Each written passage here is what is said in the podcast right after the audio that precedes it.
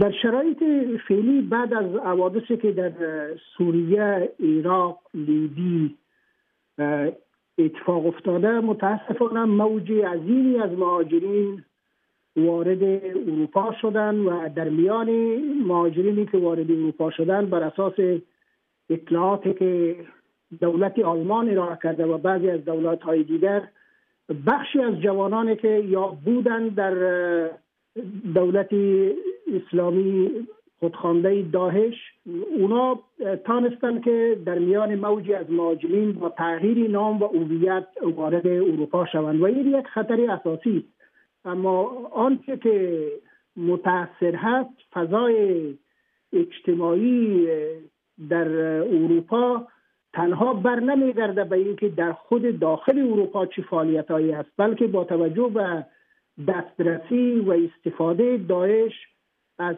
تکنولوژی و شبکه های اجتماعی متاسفانه این موج بسیار وسیع و گسترده ارتباطات اینا تانستن فراهم بیاورند که متاسفانه در دسترس تمامی جوانان قرار می‌گیره. همین امروز هم خبری بود که گویا هفته قبل داعش نوع ساختن بعض ابزار انفجاری را آموزش داده بود و حتی تصور میره که امکان داره کسی که در منچستر دست به این عمله زده از این فضای اجتماعی استفاده کرده باشند مساجدی که در بریتانیا وجود داره به اساس گزارش ها گفته میشه که بیشتر اینا به ترویج افرادگرایی می‌پردازن و کوشش می‌کنن جوانا را جذب بکنن خب مساجد مرکزی و بزرگی که در لندن هست مثل مسجد جامعه بزرگ که در شرق لندن است و مرکزی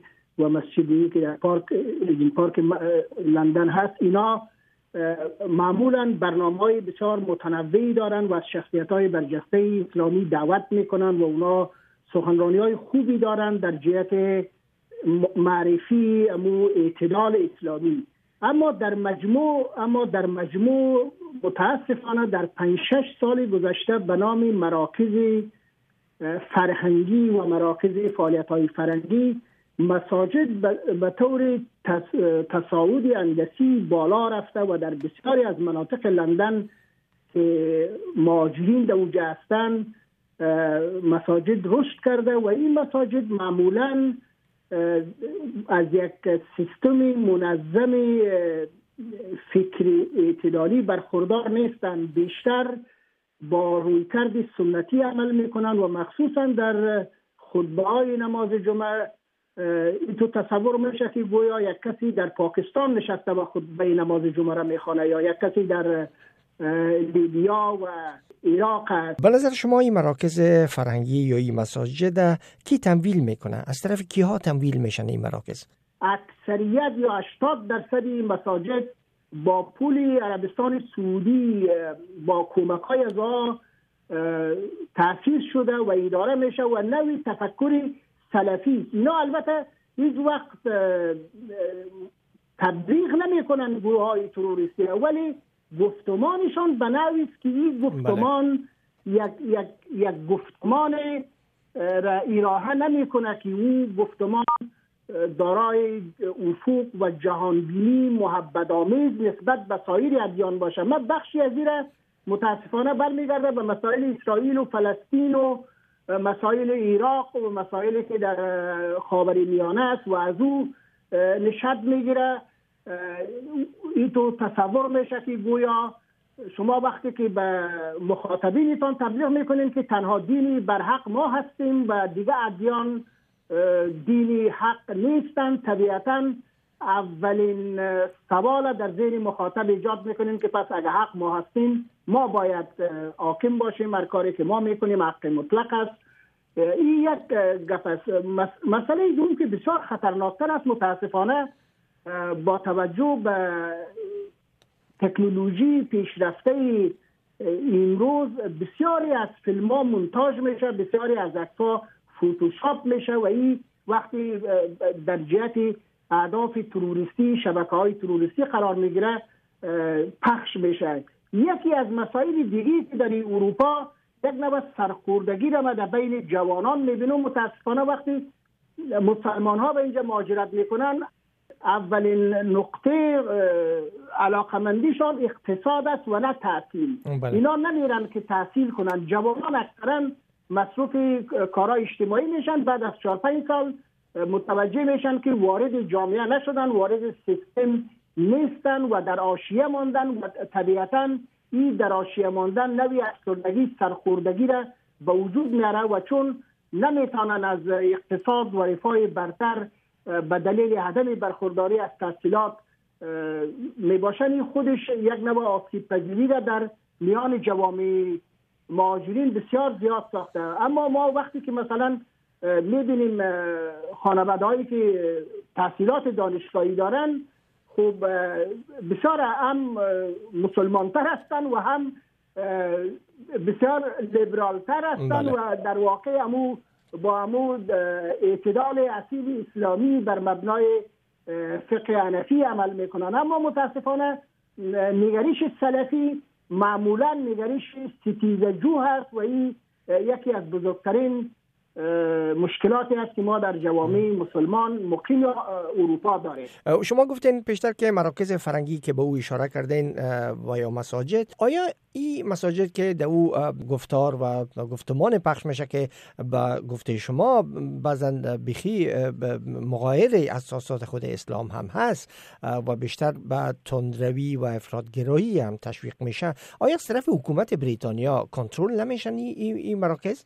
معمولا نمایندگان مراکز رسمی اسلامی میان امروز یا گپ بزنن امامان مساجد معمولا سعی می‌کنن که این چیز بکنن. اما یعنی در واقع سعی میشه که به اعتدال اسلامی تبلیغ و اما بعضی از این مساجد آشیه دارن. یعنی تنها او کسی که میایه و نماز ادا می‌کنه و میره حاکم مسجد نیست.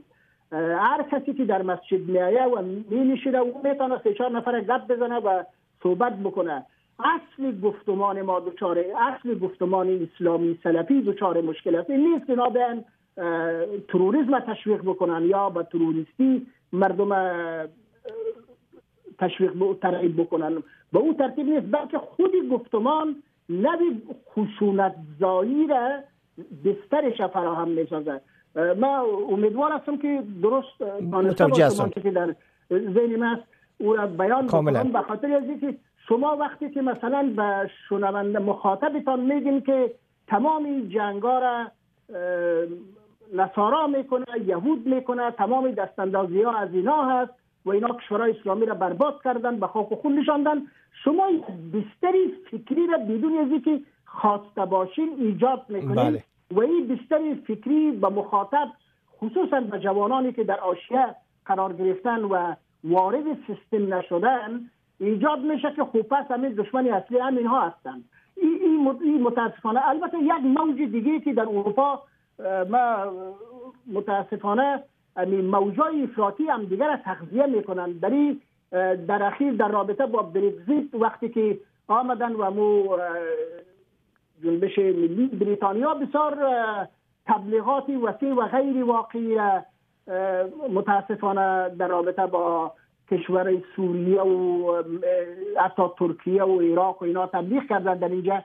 و او هم سبب شده که یک مقدار جنبش های ملی گرایانه ناسیونالیستی بسیار افراطی وجود داره که طبیعتا به صورت ناخودآگاه جنبش های افراطی مهاجرین در پی می داشته باشن. یعنی هر هر عمل یک عکس می داشته باشه و واقعیت هم که در سراسر اروپا نگرانی وجود داره.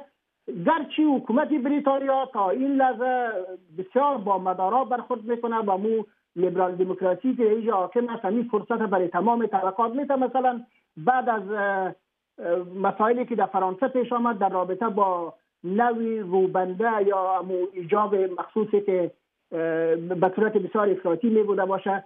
بسیاری از این فامیلا آمدن در لندن. شما در بعضی خیابان های لندن وقتی را میرین فکر می‌کنین مثلا ممکن است در در خیابان بغداد و پشاور و یک جای دیگر را میرین. و می ترتیب هست. و این زمینه فراهم ساخته برای تجمع نوی نگرش که ممکن است بره به طرف افرادگرایی یک مشکل مشکل اجتماعی هم هست مشکل فرهنگی هم هست. مشکل اجتماعی است که بر اساس سیاستی که بریتانیا داره معمولا مهاجرین تقریبا به حال خودش رها کرده. در بعضی نقاط لندن یک کتله کاملا کتله است که شما فکر می‌کنید خواهم همه پاکستانی هستن و هندی هستن یا عربی هستن و به این ترتیبی که اینا بین خود تمام مشکلاتشان رفع می‌کنن نیاز به میزبان یا نیاز به اصل جامعه کمتر پیدا میشه. به این ترتیب ما یک نبض گفتمان اجتماعی را متاسفانه با که در زندگی می‌کنن ندارن. یعنی مجامع مهاجرین و از مجامع بریتانیایی ها تقریبا جداست و وقتی شما طبیعتا یک نوع مراوده اجتماعی و یک نوع نشست اجتماعی نداشته باشین طبیعتا این مرزا خود به خود ایجاد میشه. دوست عزیز شما سخنان آقای عبدالحی خراسانی دیپلمات پیشین افغان مقیم لندن در رابطه با رویداد دهشت افغانی شهر مانچستر شنیدین.